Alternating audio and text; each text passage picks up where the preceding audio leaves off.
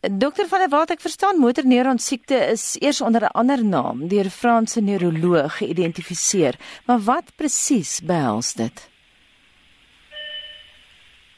Uh Anita motorneuron siekte is eintlik 'n kondisie wat ons noem 'n progressiewe neurodegeneratiewe siekte. Dit beteken dat daar snel of selfs stadig verlopende degenerasie is van die motorneurone. Nou motorneurone is die senuweeselle wat vanaf die brein na die spinaalkoord en vanaf die spinaalkoord na die spier verloop en beheer. Nou uh onthou dat daar twee verskillende motorneurone, ons het 'n boonste motorneuron vanaf brein na koord en 'n onderste motorneuron vanaf spinaalkoord na die spier. En die mate waartoe hierdie twee neurone nou aangepas word, een of die ander of beide, gee vir ons verskillende tipe motorneuron siektes. En amyotrofiese laterale sklerose of ALS wat ons nou eintlik van praat wat die grootste aantal motorneuron siektes dan nou verteenwoordig, min of meer 90% tas nou beide die boonste en die onderste motorneuron aan. Uh, en hierdie is die kondisie waaroor ons nou vandag praat. Ek dink dit is belangrik dat mense net verstaan dat daar wel ook 'n uh, primêre aantasting is van die boonste motorneurone en dit noem ons primêre laterale sklerose.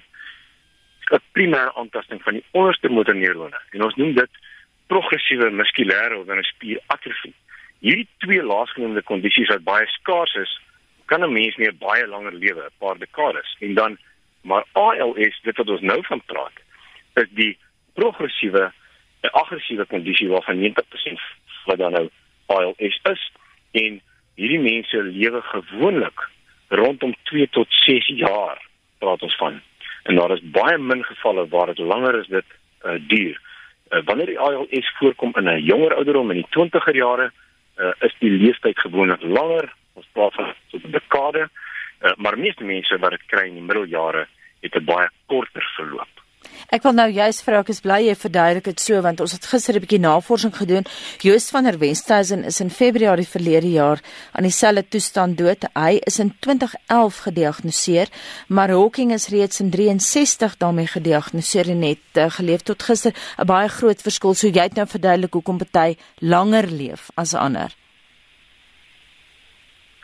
Ja, dit is die die ek kan maar net sê volgens die media en ons verstaan Stephen Hawking wel gediagnoseer uh dekades gelede met die siekte amyotrofiese laterale sklerose ALS en dus die die progressiewe snel verlopende variant wat albei die boonste en die onderste motorneurone sou aantas uh van 'n van motorneuron siekte.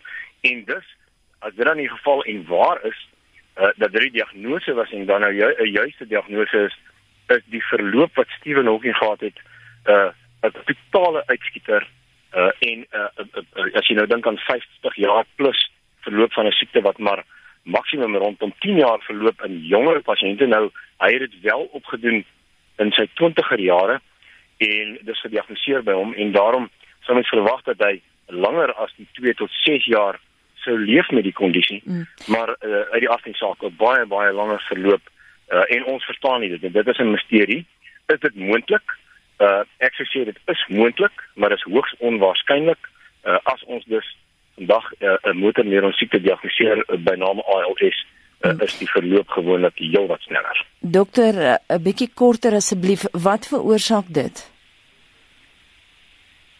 Niemand weet nie, uh, ons uh, weet dat so 5 tot 10% van gevalle is geneties en binne daai genetiese uh, lyne is daar heelwat verskillende oorerwingspatrone wat afhang van die gene wat aangetast is uh en die res is sporadies en ons het geen idee wat dit veroorsaak nie. Dit kom wel meer voor in ouer uh, mense en derhalwe neurodegeneratief uh maar ons het geen idee wat die oorsaak daarvan is nie. Sou dit geneties kon wees? Moet mens bekommerd wees as jy 'n oupa of 'n pa het daarmee? Ek wil dit duidelik maak dat daar 'n genetiese oorerwingspatroon is, maar binne die genetiese so 5 tot 10% van mense wat ALS gekry het in jou familie, as jy as daar is daar 5 tot 10% oorerwingsmoontlikheid, maar daar is heelwat verskil gene wat aangetast kan wees. En elkeen van hierdie gene wat ons nou van weet al, het 'n het 'n ander tipe oorerwingspatroon.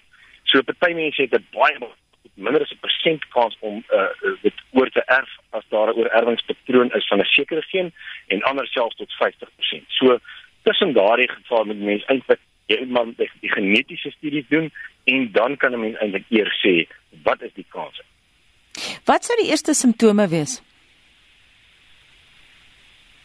Nou hierdie is 'n baie moeilike ding maar dit non-spesifiek en mense moet baie mooi verstaan non-spesifiek beteken dus as jy nou uh, op 'n uh, bietjie van 'n spierswakheid opdoen kan daar baie verskillende redes wees en dis nie net spring na die idee dat moontlik motorneuron siekte is nie. Maar dit dit doen vir homself voor met enige vorm van spierswakheid.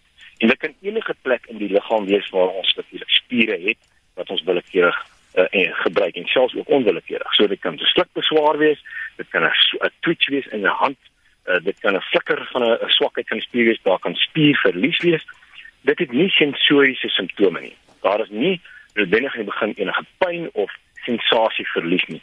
Dis 'n swakheid in 'n spier, dis 'n verlies van spiermassa en as jy so iets sien wat jy opmerk dan moet dit ondersoek word deur 'n uh, 'n medikus en dan verkieslik 'n neuroloog. Hoe verskil dit van Parkinsons? Parkinsons is ook aanpassing van die motoriese stelsel, maar onthou, dis 'n heel ander motoriese komponent, dis die sogenaamde ekstrapiramidale stelsel. Uh, in Parkinsons het dis meer te doen daarmee dat 'n uh, mens ontwikkel styfheid uh, en en meer 'n stadige beweging, 'n uh, stadige beweging en 'n tremor en al hierdie simptome wat saam met Parkinson is gaan uh, is 'n kondisie van 'n ander komponent van die motoriese stelsel. Mense is dit ag, jy sê dit lyk anders uh, en is baie meer patroonmatig uh, en is nie so uh, wat ek wil sê so uh on uh, duidelik uh, in enige moontlike plek in die area van die van die spiergroepe nie. Dis 'n baie meer diskrete sindroom. Uh, swak stadige beweging mense begin die val en hulle kry tremore en, en dit is dan 'n konstellasie van moontlikhede wat ons sien by mense met parkinsonisme. Ons het uh, gister vra van luisteraars afgehaat oor die behandeling daarvan. Waar staan ons deesdae Ongelukkig moet ek sê daar is nog maar een en 'n uh, tweede middel wat op hierdie stadium goedgekeur is deur die uh, FDA uh, vir hantering en dit is letterlik net om die die die progressie van die kondisie met maande uh, te vertraag. Die hartseer nuus is dat ons op hierdie stadium nog geen spesifieke behandeling het vir motorneuronsiekte nie. Ek kan wel sê dat daar baie navorsing is. Ek sien gereeld die sogenaamde Science Daily waar daar uh, letterlik amper op 'n weeklikse basis nuwe studies gepubliseer word oor motorneurosiekte en daar dis is daar bronne beskikbaar. Jy weet ek sê altyd vir mense as jy as jy 'n siekte het waar 'n klomp mense wat bekend is met geld het die siekte het, dan dryf die ekonomie verder in navorsing en hierdie is een van die siektes waar daar heelwat navorsing op gedoen word. So ek het groot um, hoop en vertroue dat ons binnekort deurbrake sal sien, maar op hierdie stadium ongelukkig nog geen behandeling nie.